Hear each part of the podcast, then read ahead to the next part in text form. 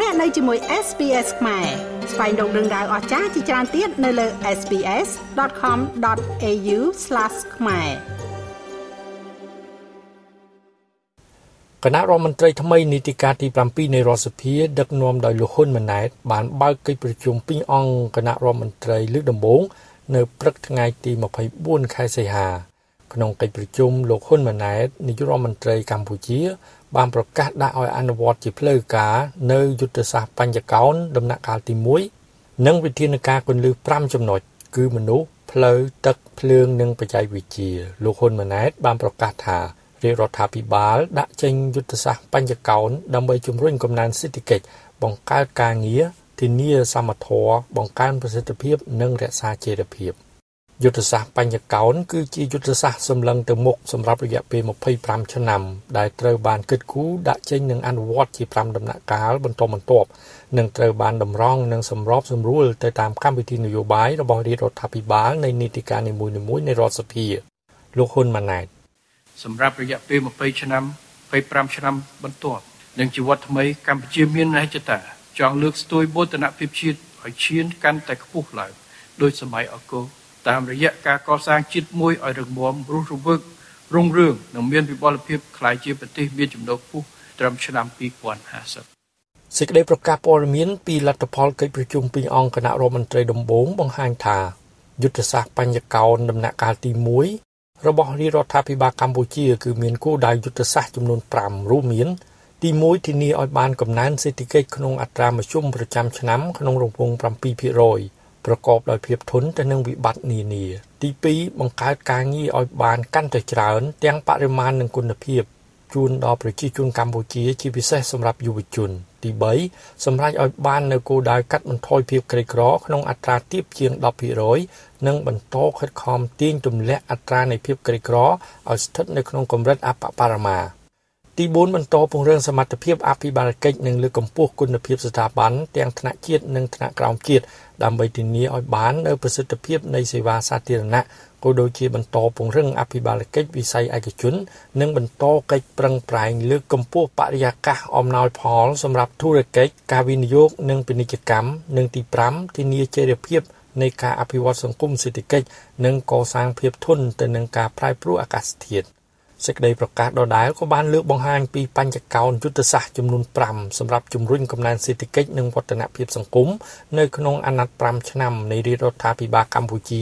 ក្រោមការដឹកនាំរបស់លោកហ៊ុនម៉ាណែតរួមមាន បញ្ញកោណទី1ការអភិវឌ្ឍមូលធនមនុស្សបញ្ញកោណទី2ការធ្វើពិពិធកម្មសេដ្ឋកិច្ចនិងការបង្កើនភាពប្រកួតប្រជែង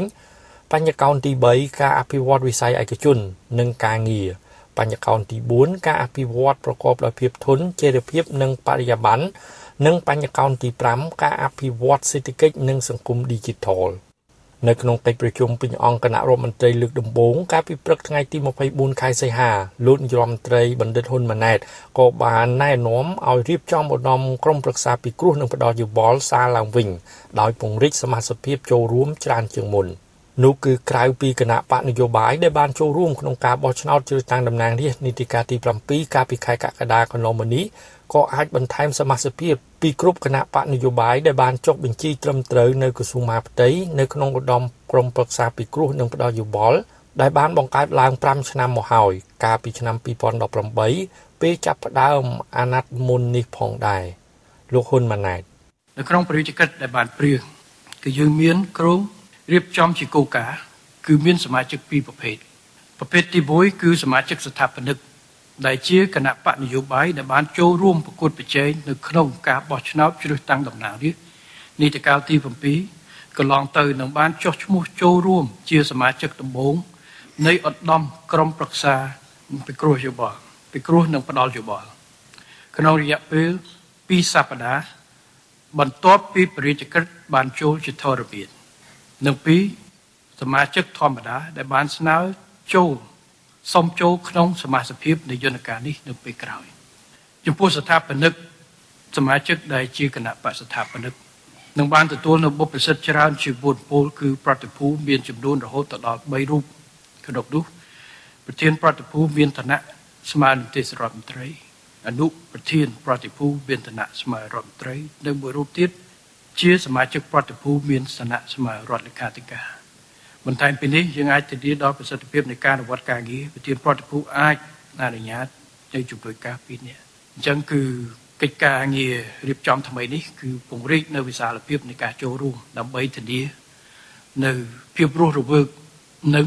បរិយាបន្នសម្រាប់គ្រប់គណៈបកនយោបាយដែលមានបំណងចូលរួម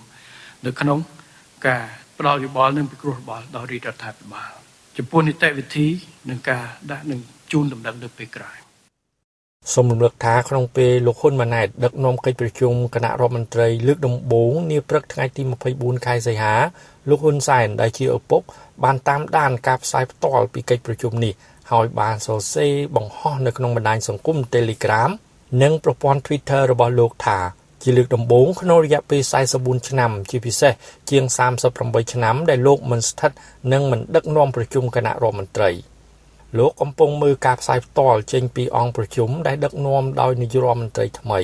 ពិនិត្យមើលសមាជិកគណៈរដ្ឋមន្ត្រីថ្មីដែលភាគច្រើនជាបញ្ញវន្តវ័យក្មេងលោកហ៊ុនសែនបានលើកឡើងថាលោកកំណត់ច្បាស់ថាការផ្ទេរការដឹកនាំពីថ្នាក់ដឹកនាំវ័យចំណាស់មកកាន់ថ្នាក់ដឹកនាំវ័យក្មេងគឺត្រឹមត្រូវខ្លាំងណាស់ ខ្ញុំបាទមេងផល្លា SBS ខ្មែររីកាពីរាជធានីភ្នំពេញចុច like share comment និង follow SBS ខ្មែរនៅលើ Facebook